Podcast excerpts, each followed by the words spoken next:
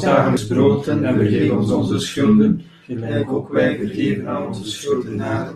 En leid ons niet in bekoring, maar verlos ons van het kwade. Amen. Wees gegroet, Maria, van genade, de Heer is met u. Gezegend zijt gij boven alle vrouwen en gezegend is de vrucht van uw lichaam, Jezus. Heilige Maria, Moeder Gods, bid voor ons arme zondaars, nu en in het uur van onze dood. Amen. Heilige Jozef, Bid voor ons, heilige Thomas van Aquino, bid voor ons, onze heilige bewaarders, bid voor ons, on- onze heilige patronen, bid voor in ons. de naam van de Vader en de Zoon en de Heilige Geest. Amen. Zo, eh, het is een cursus filosofie. Het is een cursus wijsbegeerte. We hebben al eh, verschillende ehm, dus materie be- behandeld. We hebben een paar jaar geleden de historische beschrijving gehad, met dan de definities. Verschillende definities. Hoe meer dat we gezien hebben, hoe beter dat we in staat waren om een definitie te geven van wat de wijsbegeerte is.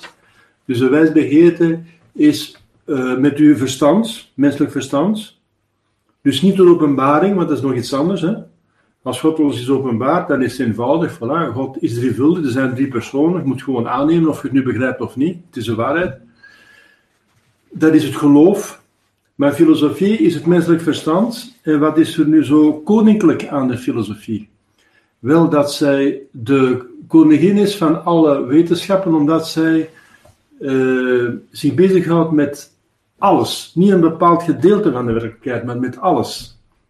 En ze zoekt niet alleen, ze kijkt niet alleen naar alles, maar in alles probeert ze de diepste gronden, de, de diepste verklaring te vinden. Voor dat voor een menselijk verstand mogelijk is.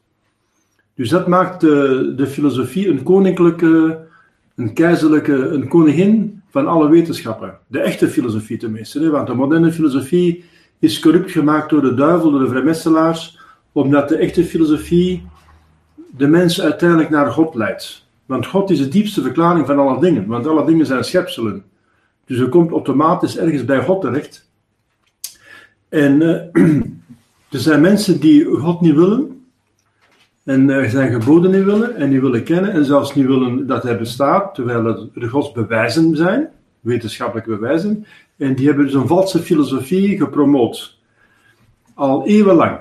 Hm, Dat is begonnen in de, in de eh, 18e eeuw. In de 18e eeuw. Met, de, ja, met eh, de, de zogenaamde filosofen van de verlichting. Maar dat is de verlichting van de duivel. Hè? Dus eh, dat is niet de verlichting van God. Is, eh, ze noemen zich de verlichten. En ze spreken van de duistere middeleeuwen. En ze, spreken zelf, ze zijn zelf de verlichting, de verlichte filosofen, en ze spreken van de duistere middeleeuwen. Maar dat is juist het omgekeerde. De middeleeuwen waren en zijn een groot licht. Denk maar aan Thomas van Aquino van de middeleeuwen, die een, een uitleg gegeven heeft. Een, een wetenschappelijke uitleg, een filosofische uitleg van het geloof. Dat deed theologie dan. Die nooit geëvenaard is geweest. Nooit. Tot, tot nu toe. Dus het is toch wel een licht over de belangrijkste dingen, namelijk de godsdienst. En, ehm, enzovoort. En de kathedraal die we gebouwd hebben. Dus gewoon de, kunst die wij gebouwd hebben in de middeleeuwen. Dat is toch. Al de wetenschappen die vooruit zijn gegaan in de middeleeuwen. De, de, gezond, de, de, de, sociale zorg is vooruit gegaan in de middeleeuwen. Want Jezus zegt: Wat je voor de minste van de mijnen doet, heb je voor mij gedaan. Dus de, de middeleeuwen zijn een lichtpunt. Dat is de, die heeft de grootste beschaving voortgebracht in de geschiedenis van de mensheid. De beschaving, de christelijke beschaving is de hoogste beschaving. Dus dat duistere middeleeuwen noemen is een schande. Is gewoon een, schande, is gewoon eh, eh, een leugen. En dan noemen ze zichzelf de verlichte filosofen. En ze zijn verdorie eh, met valse filosofie bezig. We hebben het daarover gehad, over Descartes en, eh, en Kant. Die, die laatste filosofen, eh, die dan de, de vaders worden genoemd van de moderne filosofie.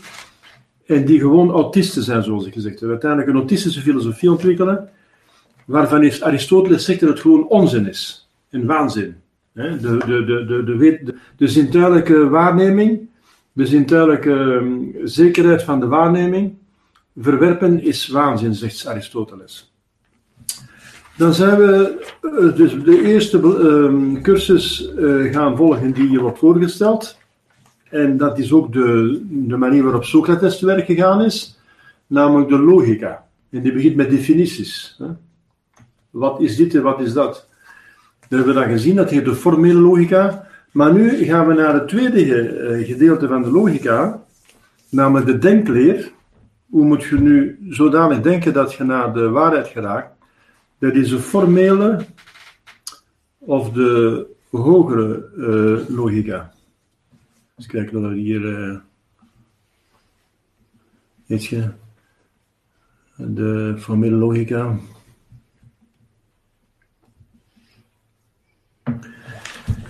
De formele logica. Wel, ik ga u een groter uh, blad geven, want dit is tamelijk klein. Hè? De grote blad, dat komt hier dan.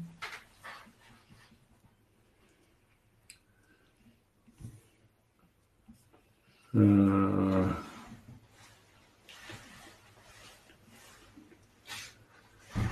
Predicatie, waar is er weer? Dan zit je dan toch met de verkeerde computer bezig. Hè?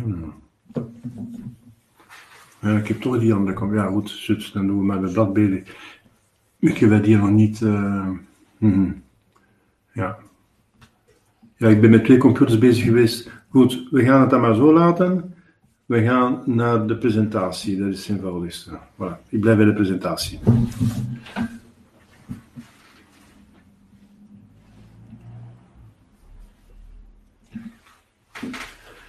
Zo, uh, proberen zo groot mogelijk te maken.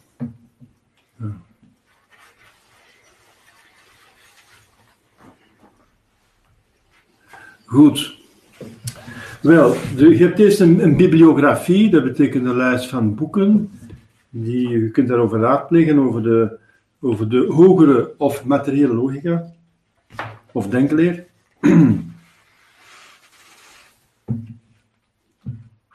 Dus je hebt er allerlei grote namen. Suarez, Johannes van Thoma, dat is een leerling van Sint Thomas van Aquino. Kardinaal Mercier, in het begin van de 20e eeuw. Garrigou Lagrange, dat is de grootste theoloog, filosoof eigenlijk van de 20e, ideoloog van de 20e eeuw, tot, uh, tot aan het concilie. En zelfs tot na het concilie. Certilange, dat zijn allemaal Dominicanen van het traditie, of die traditioneel zijn gebleven, ook na het concilie. Dat zijn vrienden van Mons Lefebvre geweest. Uh, de Tonkendijk, uh, Marit, Maritain, hier staat Maririn, maar dat is een fout. Dat moet zijn Maritain. Jacques Maritain. Maritain. Maar Maritain was goed tot aan het concilie. Hij was een Thomistische filosoof tot aan het concilie. Maar uh, onder het concilie heeft hij gezien dat, dat er weinig uh, respons was voor de traditionele filosofie. Dat de kwantiteit verminderde van mensen daar geïnteresseerd in waren. En dat het concilie was geïnteresseerd om eigenlijk ketterijen te verspreiden. En die ketterijen moesten theologisch verantwoord worden. En dat is dus niet mogelijk met de, de theologie van Sint Thomas. Want met Sint Thomas kun je geen ketterijen bedrijven. Maar omdat zogezegd een paus hè, en bisschoppen daaraan meededen, en uh, Maritain was zijn naam ook houden, heeft hij dus uiteindelijk uh, meegedaan met concilie. En heeft uh, dan het concilie ondersteund met zijn kennis, maar is afgeweken van Thomisme en heeft het personalisme ontwikkeld. Uh, ja, dus dat is eigenlijk verraad uh, omwille van de reputatie, van aanvaard worden door paus, en concilie. En meteen werd hij als een grote man bekend, omdat hij dus de, de dwaling van het concilie theologisch, filosofisch ondersteunde. Hij heeft dus verraad gepleegd om zijn naam hoog te houden. De, de enige die dat geweigerd heeft, is ehm, een Belg, is een, de directeur van de Universiteit van Luik. Uh, de, uh, Marcel de Korte, de Korte met een C. Ja. Die heeft een Vlaamse naam, maar hij is uiteindelijk een Waal. En uh, Mons Lefebvre zegt dat de enige filosoof was, die, de enige Thomistische, Thomistische filosoof, die nog een leerstoel had, een officiële leerstoel in de hele wereld. En die trouw was gebleven aan Thomisme. ja. Horum omnium belgi fortissimis, zo te zeggen. dus de, de, de, laatste weerstand vind je dus uh, ja, daar. En hij heeft een boek geschreven, uh, Het verstand in stervensgevaar. Natuurlijk. Ja, stervensgevaar. Want om ketterijen te onderschrijven moet je dus afwijken van, het, van de werkelijke logica en uh, dus uh, ja, onzin gaan verkondigen, op een wetenschappelijke, pseudo-wetenschappelijke manier onzin gaan verkondigen. Dus Maritain is goed geweest tot aan het concilie, perfect. En na en onder het concilie is hij verkeerd geworden. Is hij heeft zich afgeweken, Jacques Maritain. Dus heeft zich laten pakken. Maar uh, Marcel de Korte niet. Dat is de enige. Van uh, filosofen die een leerschool hadden. Hè? Ja, we gaan dus beginnen. Uh, waarover gaat het eigenlijk? Wel, dat zit je in de inleiding. De logica in haar geheel ordent de denkakte. Dus het is om logisch te leren denken, uh, wordt er een, een methode ontwikkeld. Ordent de denkakte. Dat hebben we gezien uh, in de, de, cursus van, de, van vorig jaar. Of van zelfs jaar ervoor, want het is een jaar stilgelegen eigenlijk. Um, de, de, de formele logica. De formele logica, ja, het is hier nogal spelling, maar dat kan geen kwaad, hè. De formele logica ordent de denkact door de beschouwing van het begrip los van de inhoud. De beschouwing van het begrip los van de inhoud. Dus je maakt een abstractie van de inhoud van het begrip. Van de term, van het het woord. De materiële logica, die we nu gaan uiteenzetten, ordent de denkact door acht te geven op de inhoud van de begrippen. Wat is dan de inhoud van een begrip? Hoe kunt je nu een begrip beschouwen zonder de inhoud? Wel, hij gaat zeggen wat hij bedoelt. Om het anders te zeggen, we gaan hiervan uit dat de logica in haar geheel dus zowel formele als materiële, de logica naar geheel als formeel voorwerp heeft de denkmaaksels of tweede begrippen, in Latijn secunde intentionis, welke de eerste begrippen ordenen. Wat is een tweede begrip? Ah, dat is denken over, een, over het denken. Welk is het eerste begrip? Dat is gewoon denken. Het eerste is denken. Dat zijn de eerste begrippen.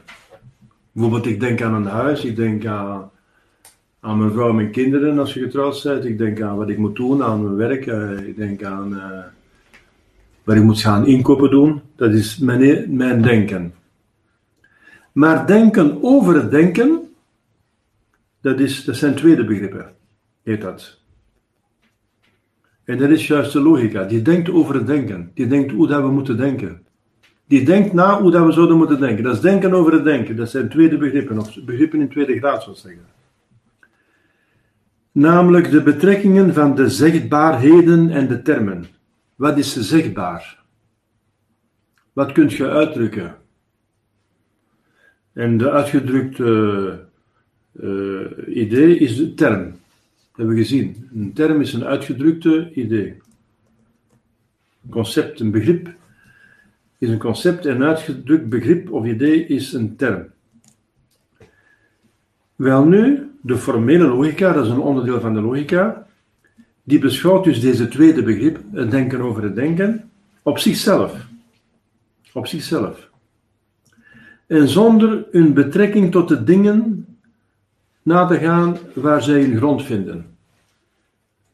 Want het denken over het denken dat is formele logica. Maar denken over het denken, dat over iets denken is, dat dan de realiteit is, dat is materiële logica. Dus de formele logica denkt allemaal alleen maar over het denken. Maar de materiële logica gaat tot aan de werkelijkheid. Die gaat denken over het denken over de werkelijkheid. Want we denken over de werkelijkheid. We denken over dingen. Hm? Over allerlei dingen denken we daar. Die de zintuigen ons uh, uh, informeren. De zintuigen geven ons informatie over alle dingen. Wij zien, horen dingen. Uh, en daarmee worden we, krijgen we informatie in ons verstand en dan gaan we over denken. En dat denken dat denken we aan, dat ons gezegd wordt. Bijvoorbeeld, er wordt gezegd, uh, onze buur gaat, uh, gaat verhuizen. Nou ja, dat is een informatie die je krijgt door het gehoor en je, je denkt daaraan dat je buur gaat verhuizen. Dus dat is een realiteit, hè, dat uw buur gaat, uw buur is een realiteit en hij gaat verhuizen is een realiteit. Want wij zijn geïnteresseerd in het denken voor zover het ons de realiteit doet kennen. Daar zijn we vooral geïnteresseerd. Want het denken moet eigenlijk brengen naar het kennen van de werkelijkheid. Want met de werkelijkheid kunnen we verder. Natuurlijk zijn fantasieën ook nuttig, maar heel beperkt. om een huis te bouwen moet een architect een beetje fantasie hebben en zo, en een, een, een artiest. Maar uh, het denken is vooral in de eerste plaats gemaakt om de werkelijkheid te kennen. Want met de werkelijkheid moeten we leven. Hè? Een ingenieur, een architect kan maar hier een huis bouwen, een gebouw, als hij de werkelijkheid kent, de wetten van de, van, van, van, van de materies en zo, dat hij de materies kent. En dan kan hij werkelijk een huis bouwen, hè? omdat zijn, zijn kennis komt overeen met de werkelijkheid, de kennis van de materies. En dat is, dat is een realiteit. Dus de logica kan gaan over het denken over het denken. Over het denken, je denkt over hè, de tweede begrip. Maar de materiële logica die gaat, die gaat het denken over denken beschouwen in voor zover dat we denken over de werkelijkheid. Die gaat daar werkelijkheid er onmiddellijk bij betrekken. En de formele logica niet onmiddellijk. Je denkt gewoon over het denken, hoe dat wij denken. En je gaat niet kijken of dat, dat denken over denken, dat denken, dan dat eerste denken, dat het uh, in hoeverre die verhouding is tussen ons denken en de werkelijkheid. Want je kunt verkeerd denken over de werkelijkheid, je kunt volledig werkelijk denken over de werkelijkheid, of half werkelijk, of een gedeelte van de werkelijkheid. Wel, de formele logica houdt je daar niet mee bezig, maar de materiële logica wel. Ik zeg, dat is heel belangrijk. Dat jij denkt en door je denken te weten komt hoe dat de werkelijkheid is. Want dan kun je met de werkelijkheid vooruit, dan kun je daarmee werken. Dan kun je in de werkelijkheid allerlei dingen verwezenlijken. En uiteindelijk je geluk verwezenlijken. Want dat is het doel van alles. Het doel van je bestaan is gelukkig worden. Iedereen wil gelukkig worden. En wel door gelukkig te worden moet je met de, met de werkelijkheid uh, iets gaan doen. Dat is iets in de werkelijkheid, het geluk. Hm? Op een zeepbel kun je geluk niet bouwen, dan moet iets werkelijk zijn. Je moet uh, zien dat je. Gelukkig worden heeft te maken met de werkelijkheid. Je moet zien dat je gezond bent, dat je slaagt, dat, je, dat is een natuurlijke geluk. Dat je werk hebt, dat je, dat je je kunt ontplooien. Als je voor natuurlijk zegt dat je kunt trouwen, als je, als je een hebt dat je die kunt verwezenlijken, dat is in de werkelijkheid. Dus het, het geluk heeft te maken met de werkelijkheid. Dat is altijd het doel van de filosofie, is uiteindelijk dat je geluk bereikt. Hè? Want dan is het nutteloos, dan is het steriel denken. Dan zijn we niet geïnteresseerd. Is dat niet, niets opbrengt. Zo, maar die twee logica's, die twee gedeelten van logica, die twee afdelingen van logica zijn dus belangrijk. Je moet weten hoe logisch denken, maar dan dat logisch denken, uh, hoe dat nu op de werkelijkheid richten. Logisch denken is met formele logica, hoe dat nu op de werkelijkheid richten, hoe dat nu profijt uithalen voor de werkelijkheid, dat is een materiële logica. Dus een materiële logica Daarentegen staat hier beschouwt diezelfde tweede begrippen, namelijk denken over denken, met de bedoeling om een verhouding te bepalen tot de dingen. de werkelijkheid, waarin ze hun grond vinden. Dus je denkt over een huis, dat is een eerste begrip. Maar je denkt hoe dat je over een huis denkt, dat zijn tweede begrippen. En je denkt over hoe dat je denkt, dat is formele logica. Maar je denkt hoe dat je over dat huis denkt, dat is een materiële logica. En dat zijn toch twee onderscheidende dingen. Die, in het begin was dat niet uit elkaar getrokken, maar dat is uit elkaar getrokken omdat dat dus ontwikkeld is. Omdat het zo belangrijk werd. Vooral met die verlichte filosofen. Die zich, die zich vooral uh, de materiële logica kapot maakt. Dan proberen het denken los te koppelen van de werkelijkheid. Hè? En dan zit je in het idealisme, dan zit je in je eigen rond te draaien, en dan zit je dus niet meer in de realiteit, en dan kun je dus van alles wijsmaken, en dan komt je in ideologieën terecht. En ideologieën maken de mensen, mensheid kapot. Descartes heeft Hegel geïnspireerd. Hegel heeft Marx geïnspireerd. Marx heeft het communisme gebracht. communisme heeft de mensen doen leiden, dat is de rode draak. Ziet je? En wel, dat is op het gebied van de materiële logica. Descartes en Kant. Die hebben de materiële uiteindelijk eh, belachelijk gemaakt. Die hebben fouten gemaakt in de materiële logica en niet in de formele logica. Dus die hebben logisch geredeneerd hè, in de formele logica, maar in de materiële logica hebben ze zeer zware fouten gemaakt. Kant en, en, en, en, en, uh, en Hegel en, uh, en Descartes en, en, en, en Heidegger en al die moderne filosofen. Die maken vooral fouten in de materiële logica. En daarom is er een apart uh, tak geworden. Hè? Dus uh, de materiële logica houdt zich bezig met die tweede begrippen voor zover ze verhouden tot de dingen waarin ze hun grond vinden. Bijvoorbeeld, ik heb dat voorbeeld gegeven van het huis. Hè. Ik denk aan een huis, ik denk hoe ik denk, formele logica, maar ik denk hoe ik denk aan het huis, materiële logica. En tot de kennis van welke dingen zij geordend worden. De kennis van welke dingen. Dus je ziet, de, de materiële logica als je bezig met de verhouding tussen het denken over het denken, maar voor zover dat je daar de realiteit mee bereikt. De betrekking met de dingen. Nog een voorbeeld, hè. Het onderzoek naar de omvang van het predicaat, of het gezegde, hè. predicaat is de Latijnse naam voor, uh, de, het is ook een Nederlandse naam, maar het komt van het Latijn. Hè. Het predicaat, wij, wij zeggen het gezegde, hè. Uh, de onderzoek naar de omvang van het predicaat in een bevestigend uitgesproken oordeel behoort tot de vraagstukken van de formele logica, namelijk de omvang van het predicaat. Bijvoorbeeld zegt de, uh, die man is uh, groot. Groot, dat heeft te maken met zijn lengte van zijn lichaam. En wat is de omvang van het predicaat?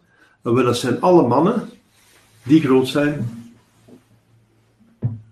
Dat is de omvang. Dus hoeveel, omvang wil zeggen hoeveelheid. Hoeveel uh, behoren daartoe? Waar we behoren toe. Dus omvang van het predicaat.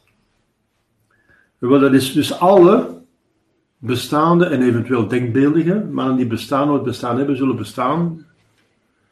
Hè? Die uh, uh, lange man,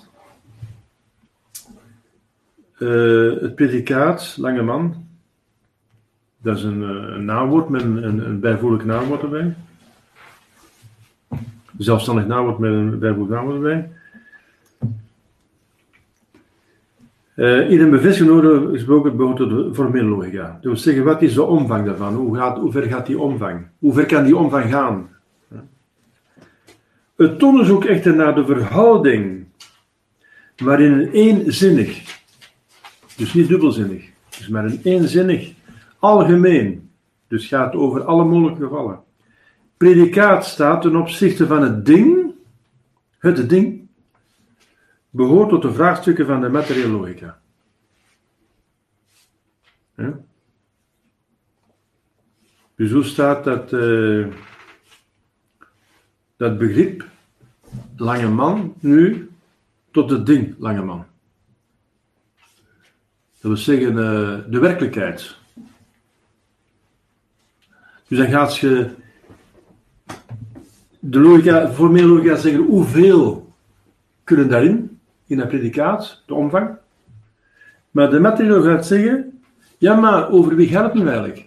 Gaat het over mannen die bestaan, nu, of in het verleden of in de toekomst, of, in, of uh, ingebeelde mannen?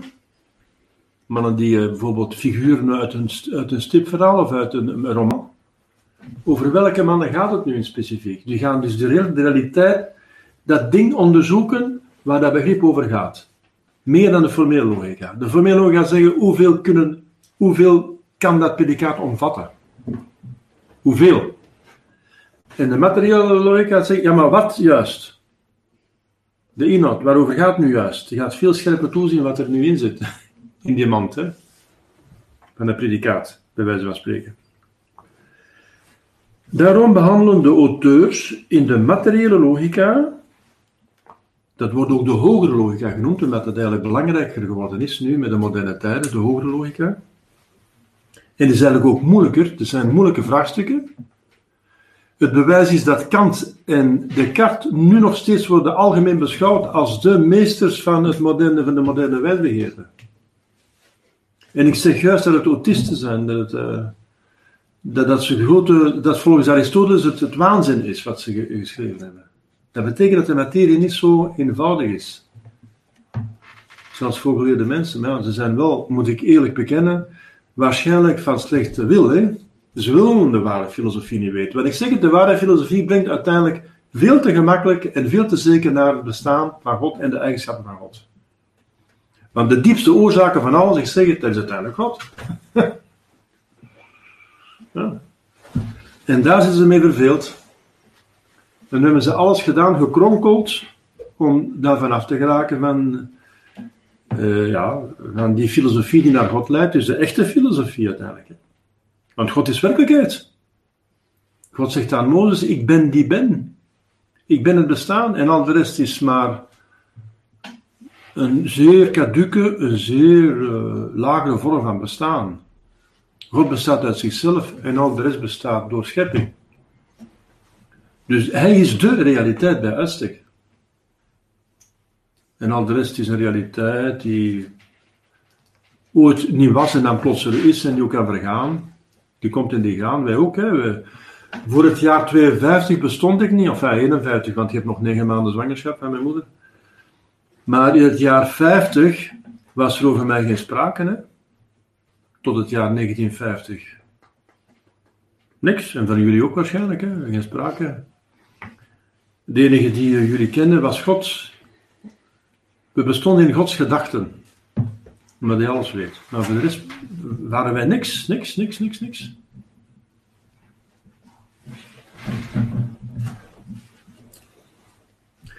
Daarom behandelen gewoon de auteurs in de materiële logica de vraagstukken over de eenzinnige algemene begrippen. Want dat zijn belangrijke begrippen. Eenzinnig wil zeggen eenduidig, dus is geen dubbelzinnig, maar je weet heel duidelijk waarover het gaat. De eenzinnige algemeen, die, uh, die op alles, dus algemeen, universele, universalia, hè, die op, op universele, die op alles van toepassing zijn, begrippen, die handelen daarover, over de categorieën, de categorieën van het zijn, er zijn verschillende categorieën van zijn, de wetenschap ja. De wetenschap normaal, die, die, die brengt u naar het kennen van de werkelijkheid. Dat is, dat is echt de wetenschap. Want anders is dat gewoon wetenschap. Het woord zegt zelf. Het weten. De wetenschap. De kunst om te weten te komen. Wat de werkelijkheid natuurlijk. Dat is de echte wetenschap. De wetenschap die u brengt tot uh, allerlei ideeën, die misschien waar zijn, misschien niet waar zijn, dat is geen wetenschap. En dat is juist een van de grote uh, vervalsingen van de moderne pseudowetenschap, de wetenschap noemt zich wetenschap, dat ze uiteindelijk bezig zijn met dingen die niet zeker zijn, alsof ze zeker zijn. En dat is grote bedrog. Dat ze van werkhypothesen heet dat, dat ze dan dat voorstellen als werkelijkheid. De wetenschap brengt naar zekerheden, niet naar waarschijnlijkheden. Een, een, een wetenschap die alleen maar waarschijnlijkheden brengt, dan zijn we niks, dat is geen wetenschap. Dat is geen wetenschap. Want dan weet je nog niks.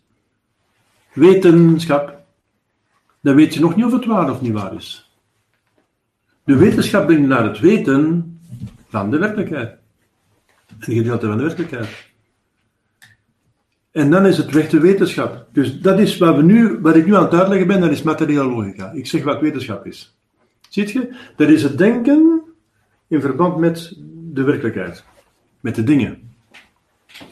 En wel, de, de materiële logica gaat zeggen, de wetenschap moet naar de realiteit brengen. En als het niet naar de realiteit brengt, dan is, dan is dat geen wetenschap. Bijvoorbeeld werkhypothesen zijn niet het is wetenschap. Dat zijn instrumenten van de wetenschap.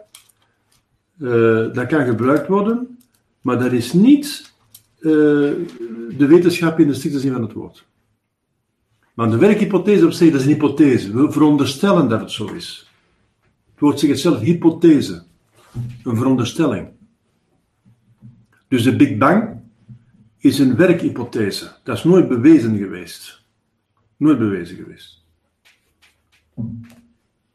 De evolutietheorie van Darwin is nooit bewezen geweest. Ziet je hoe dat de wetenschap de, de hoede van onze kinderen volstopt met onzin? Want dat wordt tegengesproken door de, door de, de openbaring. En ook door de echte wetenschap. Want er zijn nu echte wetenschappers die dat uh, wetenschappelijk weerleggen. Die werkhypotheses. Die werkhypotheses kunnen waar zijn, maar ik zeg het, hè, dus die, uh, die kinderen van de duisternis, die een wetenschap hebben willen ontwikkelen, die de ware wetenschap onderuit haalt, want de ware wetenschap die brengt uiteindelijk naar God en naar de eigenschappen van God. En naar onze verhouding met God natuurlijk, want dat komt er natuurlijk uit voort en daar willen ze niet van weten. Daarmee hebben ze ook daar proberen onderuit te kronkelen. Kronkelen, zoals de slang. Dat is een, een, een, een, gevecht tussen het goed en kwaad. En dit is het goed en kwaad van het denken. Dus het, waar, het ware en het valse. Dat is een gevecht tussen de waarheid en de leugen. Maar de leugen die zich wil voordoen als waarheid. Hè? We, komen hier, we zijn hier geconfronteerd in de filosofie tussen dat eeuwige gevecht tussen goed en kwaad. En in het denken wordt dat het gevecht tussen de waarheid en de leugen. Zo eenvoudig gezegd. En dat staat zelfs in de Bijbel. Hè. Ik zal vijandschap stellen tussen u en de vrouw, tussen u en haar Vijandschap. Tussen Maria, de moeder van de waarheid, het woord, ik ben de waarheid, en een duivel, de uitvinder van de, de vader van de leugen. Ziet je? Men moet echter voor ogen houden dat dezelfde onderwerpen ook tot de metafysica behoren. De metafysica, dat is de hoogste filosofie, wijsbegeerte. Dat is het diepste schouwen over, met uw menselijk verstand, voor zover uw menselijk verstand aan mogelijk is, het diepste schouwen over de werkelijkheid. De metafysica. En wil verschillende elementen van de materiële logica horen tot de metafysica en vice versa. Maar we gaan ook een cursus geven metafysica. Hè? Dat komt juist na, hier in deze cursus van uh, Pater Boyer, hè, Boyer, na de materiële logica juist. Dan gaat hij meteen naar de metafysica. Waarschijnlijk omdat dat uh, ja, met elkaar betrekking had. Men moet echt voor ogen houden dat dezelfde onderwerpen ook tot de metafysica behoren, maar ze worden door de redenkundige, dat wil zeggen degene die zich bezighoudt met de denkleer, de redenkundige, dat betekent degene die logica bestudeert of leert, door de redenkundige onder een ander opzicht beschouwd dan door de beoefenaar van de metafysica. een ander opzicht. De, de metafysicus onderzoekt rechtstreeks het wezen van de dingen waarmee hij zich bezighoudt. Die houdt zich echt bezig met de dingen zelf, maar dan het wezen van de dingen. De redenkundige of degene die zich met logica bezighoudt en met de, met, met de materiële logica, onderzoekt rechtstreeks de verhouding van de tweede begrippen tot de dingen die in werkelijkheid bestaan. Ziet je? Dus een metafysicus die houdt zich bezig. Dus de, de formele logica houdt zich bezig met ik denk over het denken. Ja, ik denk aan een huis. En de formele logica zegt hoe denk ik nu aan dat huis? Hoe zit ik nu te denken over het huis? En hoe kan ik nu redeneren over het huis? En hoe ga ik nu uh, een bewijsvoering op, opbouwen? Die tot zekerheid leidt. Dat is formele logica. De materiële logica gaat zeggen, ik denk over het denken van het huis. Hoe dat ik over het huis denk. Niet over het denken denk, maar over het huis denk. Hoe denk ik nu over het huis? Hoe staat mijn denken nu tegenover het huis? Komt dat denken helemaal overeen met het huis, of ken ik alleen maar bepaalde gedeelten van het huis? En kan ik alles te weten komen van het huis, alleen maar, of alleen maar bepaalde aspecten van het huis? Zullen, zal ik ooit in staat zijn om alles van het huis te weten? Of zijn er limieten aan mijn denken over het huis? Dat is een materiële logica. Hm? De metafysicus gaat niet denken over het denken, die gaat gewoon denken over het huis. Maar dan het huis in het opzicht van dat het iets is. Want een architect denkt ook over een huis, hè? maar dat is geen filosoof. Maar in voor zover het iets is, die gaat denken aan het huis. Er zijn dingen in dat huis dat substantie is, zoals de muren, en iets dat accident is, dat niet op zichzelf kan bestaan, namelijk kleur. Kleur kan niet op zichzelf, dat huis heeft een kleur en dat huis heeft muren. En dat is een metafysicus. Die zeggen, die muren, dat is iets dat, op zich, dat kan bestaan op zichzelf, maar de kleur kan niet bestaan op zichzelf. Het is altijd iets dat gekleurd is. Dus dat dat huis is bijvoorbeeld uh, baksteenrood, hè? maar het kan even goed in het wit geschilderd zijn. Hè? Enzovoort. Het kan al natuursteen in, in Dardenne is het natuursteen. Ardense steen, dat is heel mooi. Wel, die kleuren, die kunnen niet op zichzelf bestaan. Niemand heeft nooit het wit gezien, het wit altijd iets dat wit is, bijvoorbeeld witte verf, of, uh, of, een witte muur, zoals ik zei, of een uh, wit zand, of ik weet niet wat, of uh, een wit kleed, wit papier. Maar het is altijd iets wits. Nooit het wit. Ziet je? En daar denkt de metafysicus aan. De metafysicus denkt niet over dat wij erover denken, maar aan een ding zelf. Namelijk de gradaties van het zijn, het wezen van de dingen, de, enzovoort. Dus dat is. Dus dat is dan um, de metafysica. Dat is zeer interessant. Daarmee komen veel dingen te weten. Bijvoorbeeld de transsubstantiatie van de mis is, met, is, dus dat is al metafysica eigenlijk. Hè? Wat we in de mis meemaken, hè? om dat te kunnen uitleggen, moet je eigenlijk al metafysica doen een beetje. Hè? Dan zeggen met de, met de, met de, met de consecratie, dan ziet je wel brood, maar het is geen brood meer.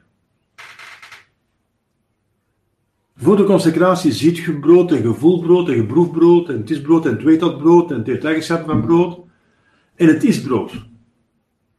Na de consecratie is er nog altijd hetzelfde als tevoren wat dat betreft al die fysische eigenschappen, maar het is geen brood meer, want God zegt dit is mijn lichaam.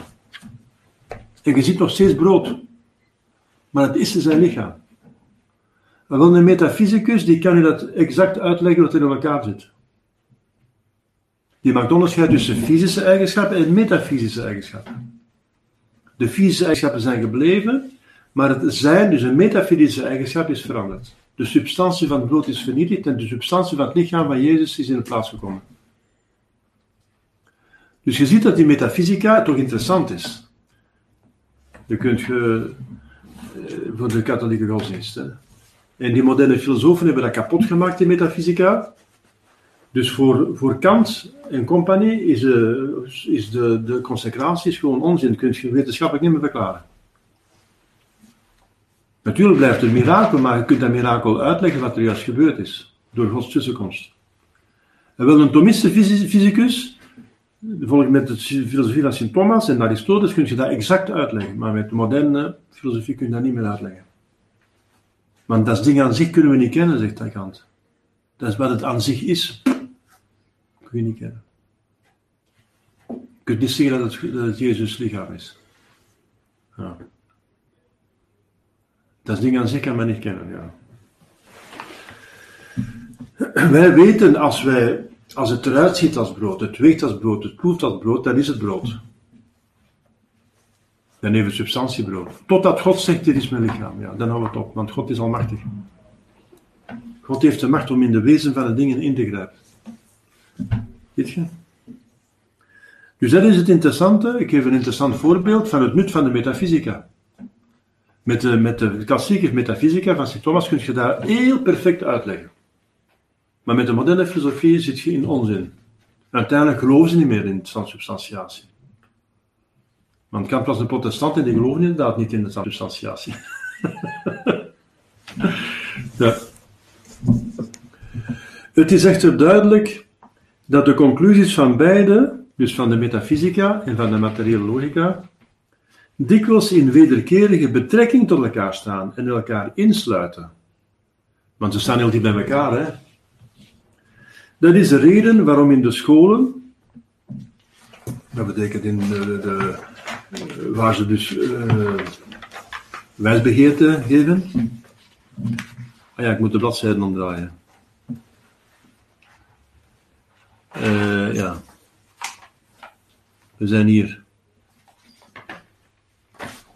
Dat is de reden waarom in de scholen de onderwerpen die uh, in de logica behandeld zijn, bijvoorbeeld betreffende de eenzinnige algemene begrippen waar we het over hadden, hè, dus, die, eh, dus zonder, die niet dubbelzinnig zijn en algemeen zijn.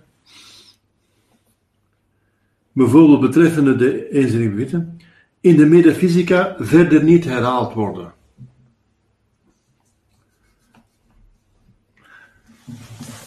Dus er zijn bepaalde aspecten die zowel tot de metafysica behoren als tot de materiële logica, maar degene die we in de materiologica, materiologica zullen behandeld hebben, gaan we niet meer terugzien in de metafysica, omdat het niet nodig is. Dat is geen dat wil zeggen dus. Maar het behoort tot beide. Sommige, sommige gedeelten van, uh, van de stof. Evenzo ligt het op het terrein van de metafysica de natuur en de waarde van de menselijke kennis te behandelen. De natuur wil zeggen, hoe zit het in elkaar? Wat is dat, die menselijke kennis? Want je hebt ook kennis van de dieren en je hebt kennis van de engelen.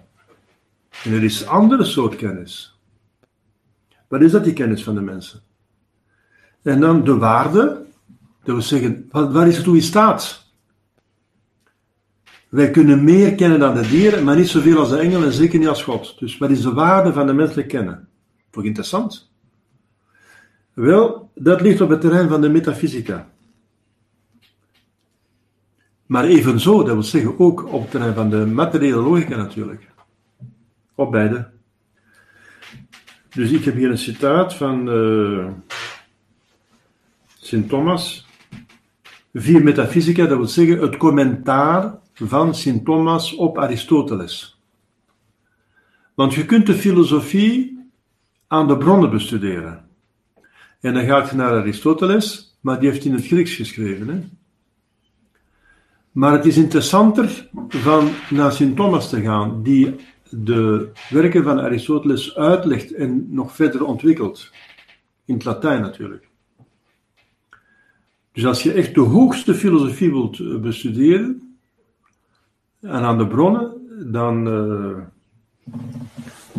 dan is Sint Thomas eigenlijk uh, het beste. Hè? De commentaar van Sint Thomas over de werken van Aristoteles. Want Thomas is nog iets verder gegaan dan Aristoteles. Dus hier heb je dus een citaat van Sint Thomas, 4 Metaphysica, lectio 5 en 6.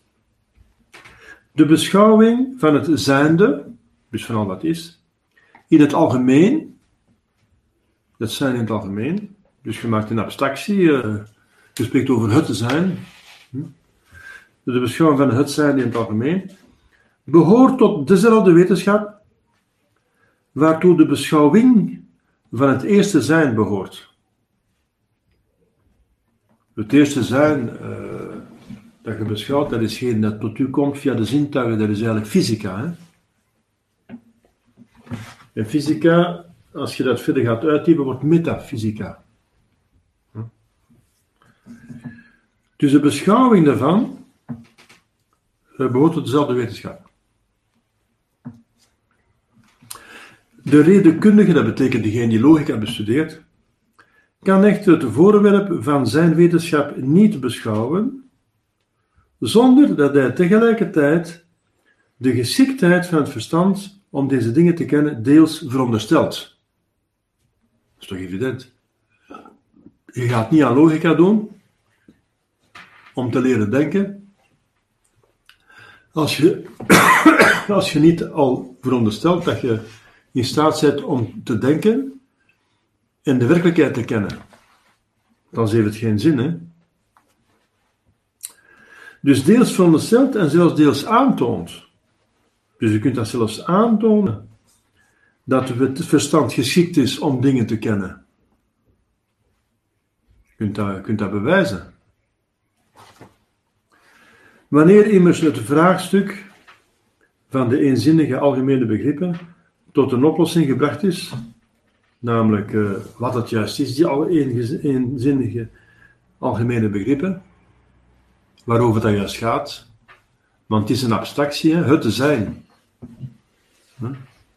Wat is dat? Daar hebben de Griekse filosofen ook uh, over geschermd, hè? Uh, het te zijn. Daar is heel veel over gesproken geweest, over wat het zijn is. Hè? In zich.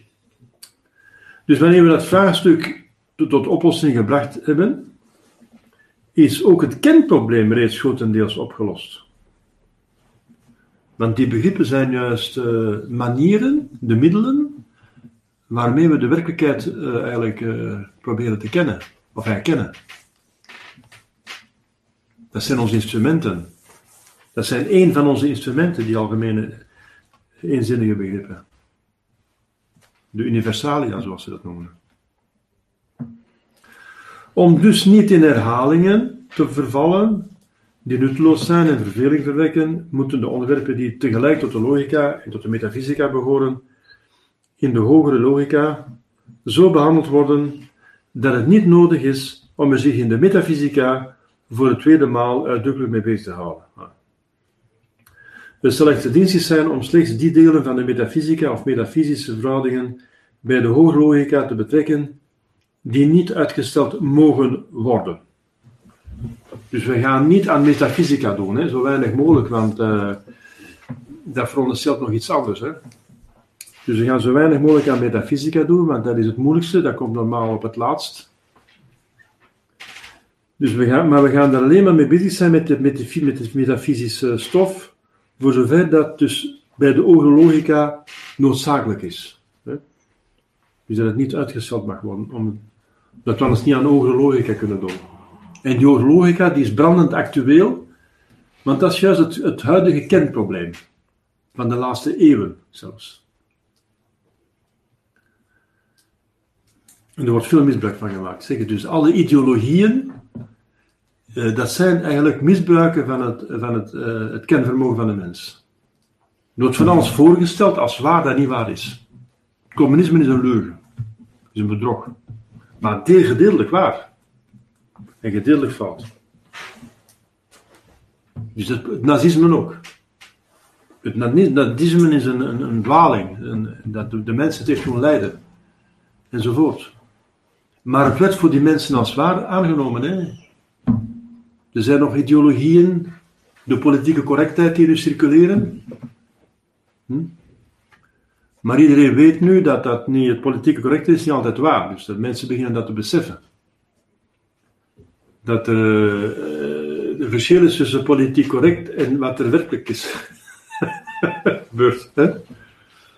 Iedereen weet nu wat dat betekent, een oude verwarde man. Hè? Dus, dus uh, de, dat is politiek correcte uitdrukking voor iets anders. Dus dat is, dat is gewoon de, ziet je, dat is het menselijke verstand frustreren, bedriegen, bedotten, dat is misbruiken. Hè.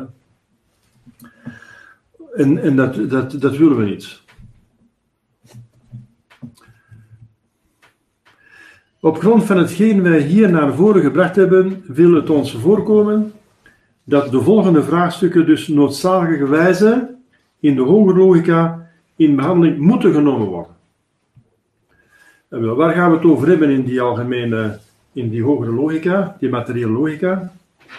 Ten eerste, de geschiktheid van de mens om de waarheid te achterhalen. Heel belangrijk. Want dan moeten we Kant en Descartes en al de moderne filosofen veel leggen, gedeeltelijk.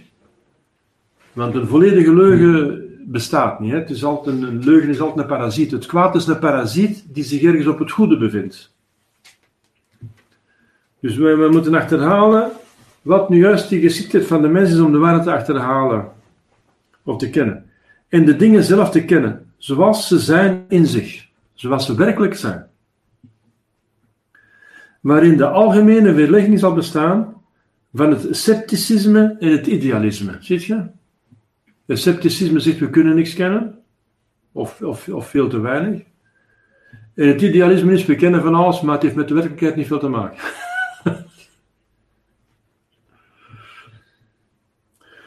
dat zijn de, de dwalingen, en er zijn twee dwalingen, maar er zijn er, er, zijn er tientallen dwalingen. Hè? Dus, uh, alle ideologieën zijn dwalingen. Tweede vraagstuk. De eenzinnige algemene begrippen, de universalia, dat vraagt een gans hoofdstuk om dat te bestuderen. Ten derde vraagstuk, de bewijsvoering en de wetenschap in het algemeen. Welke bewijsvoering is sluitend? Welke bewijsvoering brengt u naar een conclusie die zeker is? En de wetenschap in het algemeen. Ik heb al over de wetenschap gesproken, wat de wetenschap zou moeten zijn en eigenlijk is. En dan is het geen wetenschap, want je hebt pseudowetenschap. Of je hebt in de wetenschap mengeling van echte wetenschap, die je met de werkelijkheid uh, in, in verband brengt en die tot de economische uitvindingen kan, kan uh, fabriek, fabrieken kan uh, oprichten en resultaat levert. Hè? En je hebt wetenschap die dus met, met leugen, met, met, met, met onwaarheid bezig is. De ideologieën, zoals ik al zei. Geen ideologieën zijn. Ik ga dat ding hier uitzetten. Dat geen lawaai mee maakt. En dan de vierde vraagstuk, de wetenschap in het bijzonder. De wetenschap in het bijzonder. Dus, dus de wetenschap in het algemeen en dan de wetenschap in het bijzonder. Want iedere wetenschap er zijn vele wetenschappen. En dan de wetenschap in het bijzonder. Wat is dat? Zo, we hebben uh, inleiding uh, doorworsteld. Zijn daar vragen over? Natuurlijk, het is een inleiding, hè, dus uh, er zullen veel vragen die je misschien kunt stellen, die zullen opgelost worden door daar gewoon een cursus geven. Hè? Maar ik bedoel, in verband met de inleiding zelf, eh, is het duidelijk genoeg, is een bepaalde zins of uitdrukking die je niet goed begrijpt, of uh, is alles duidelijk wat ik u verteld heb, of uh, hier ook. je kunt op de chat hier je vragen stellen, hier in de, de mensen die online volgen. Hier is alles duidelijk. Ja, goed, we wilden beter. Dan, eh. Ik heb het ook zo duidelijk mogelijk proberen uit te leggen. Daarom niet te vlug gaan, want anders uh, dan word je. Dan, dan, het is belangrijk dat je, dat goed begrijpt wat het over gaat, hè, want anders uh, heeft het geen zin. Goed, dan, dan hebben we ons ongeveer een uurtje gepraat erover. Ehm, ja, dus de tekst uh, kan ik doorsturen, de beschikking stellen voor. Ik zal die wel doorsturen eventueel voor de mensen die het willen. Over de, hij zei dat de wetenschap brengt naar zekerheden en waarheid en werkelijkheid. De wetenschap brengt naar zekerheden, waarheid en werkelijkheid, ja. Want anders is het geen wetenschap. Ja. Bijvoorbeeld inderdaad de evolutietheorie. Er zijn inderdaad een hersenspinsel een, een hersenspinsel, want het kan niet bewezen worden op basis van uh, proeven die nee, herhaald worden nee, en daardoor dat het bewezen wordt. Nee. Dus uh, normaal wetenschap kun je maar proeven of met uh, ja. herhaling dus, van dingen. Ja. Dus dat is geen wetenschap. Dus, en, het is niet wetenschappelijk. Want een werkhypothese moet uiteindelijk uitmonden in een bewijs op de lange duur. Dat is de bedoeling. In het begin is het een werkhypothese, je werkt ermee, je veronderstelt iets en je werkt ermee. Mm. En na, na gelang dat je ermee werkt, kun je uiteindelijk tot een bewijs komen dat het inderdaad klopt. Mm. En, dus, dus, dus de werkhypothese is een middel om te komen tot de werkelijkheid. Maar een hypothese die nooit tot de werkelijkheid, tot een zekerheid brengt, dat is, eh, dat is, niet, die is niet wetenschappelijk. Hè? Die, moet, die moet afgevoerd worden. Die moet uh, verlaten worden. Hè? En zelfs zoals je zou zeggen, de, de dingen die we vinden via archeologie en zo verder, zouden moeten aantonen dat het klopt. Hè? Mm Dan zei Darwin van zichzelf, van zijn, uh, van zijn werken, dat het grootste bezwaar tegen zijn theorie is dat er zo weinig tussensoorten zijn tussen de verschillende dieren. Ja.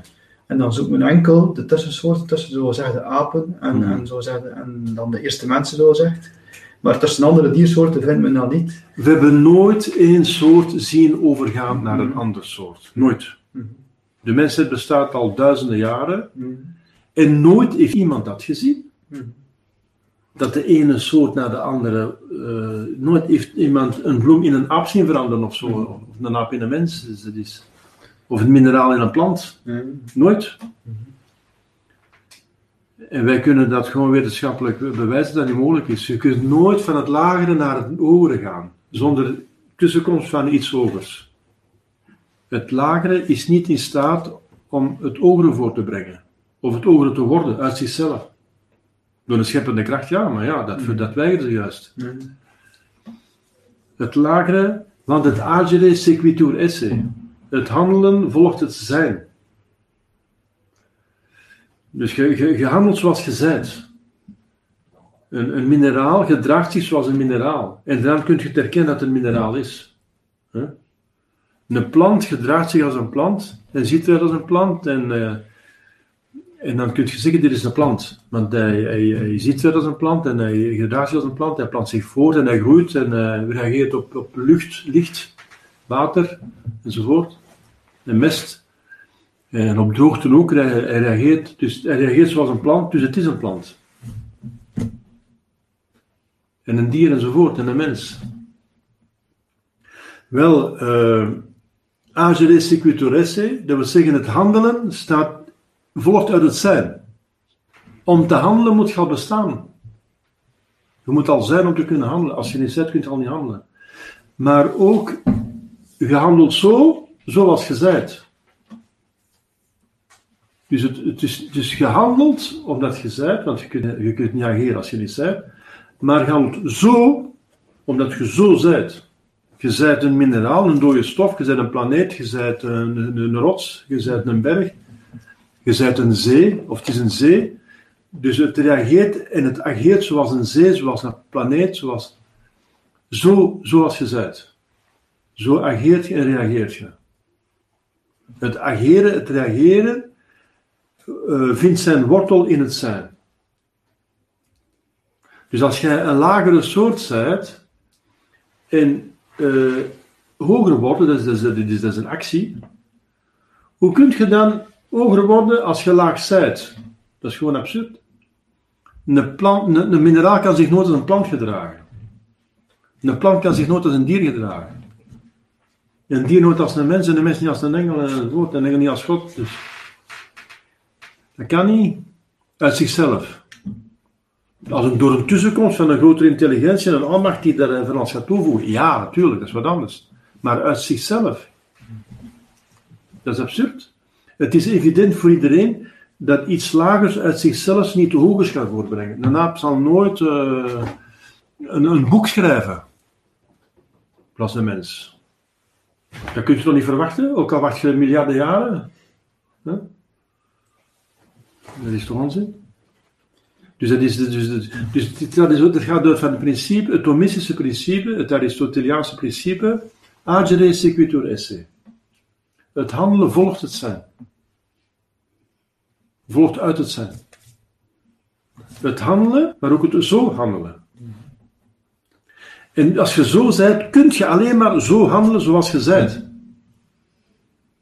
En het behoort tot een mineraal dat je als mineraal handelt. En de mineraal die brengt niet voort, dus je kan nooit de plant voortbrengen. En, en dat Uw voortplanten behoort juist tot de plant. Dat behoort tot de planten voor, voortplanten. Maar niet tot de mineraal, tot de dode stof. Ja, in die zin is het eh, interessant wat de wetenschap, de echte wetenschap dan uh, bewezen heeft, proefondervindelijk.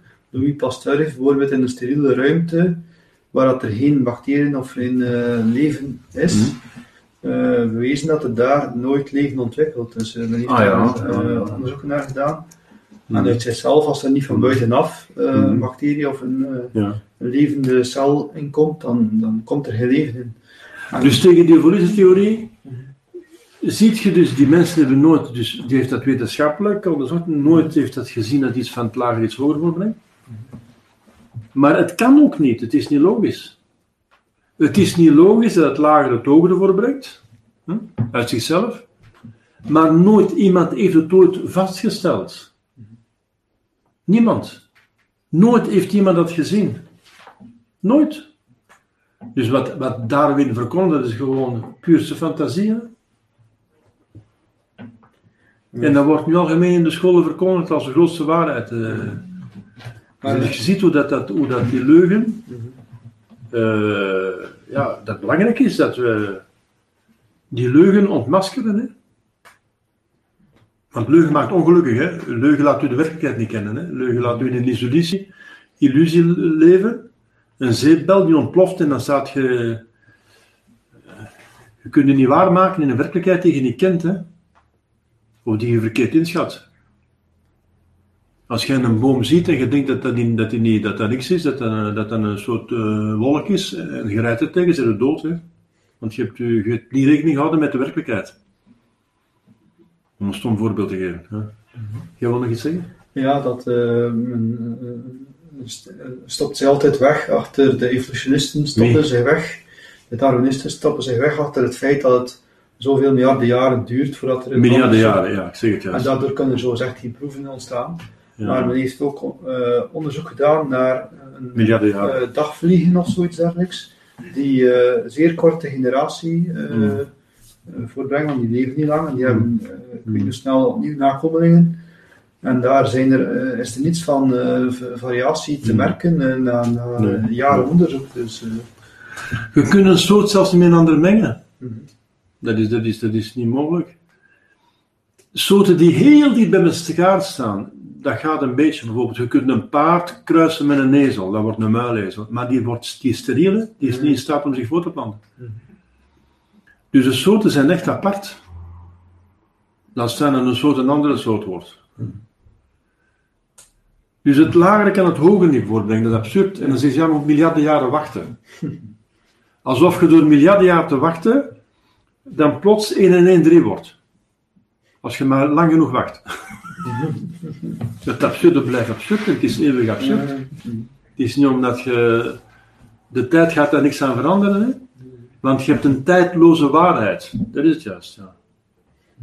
Dat is nog een eigenschap van de waarheid, dat ze boven de tijd staat. Dat ze tijdloos is.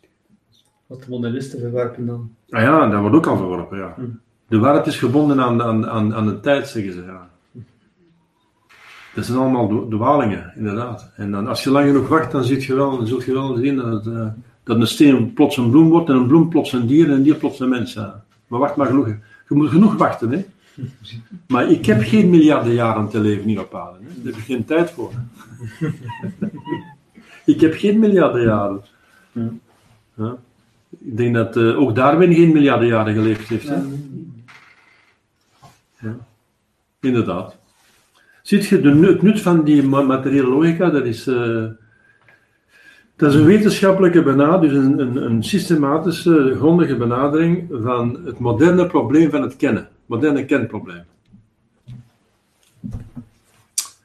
Goed zo. Dus, uh, zoals ik zei, ga ik om de week filosofie geven, om de week geestelijke uh, leren. Dus volgende week zal het weer over het geestelijke leven gaan. Ja is goed. Er zijn ook ondertussen geen vragen verschenen. Ja, goed. Dan is alles blijkbaar duidelijk. Vroeg niet? Nou, prima. Dan ga ik eens afsluiten. In de Vader, de Zon, Heilige Geest aan. Wees gegroet, Maria, vol van genade. De Heer is met u. Gezegend zijt gij boven alle vrouwen en gezegend is de vrucht van de lichaam, Jezus. Heilige Maria, Moeder Gods, bid voor ons arme zondaars, nu en in het uur van onze dood. Amen. Heilige Jozef, bid voor ons.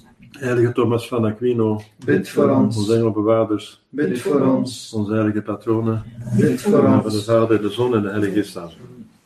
Goedenavond, tot ziens. Dank u.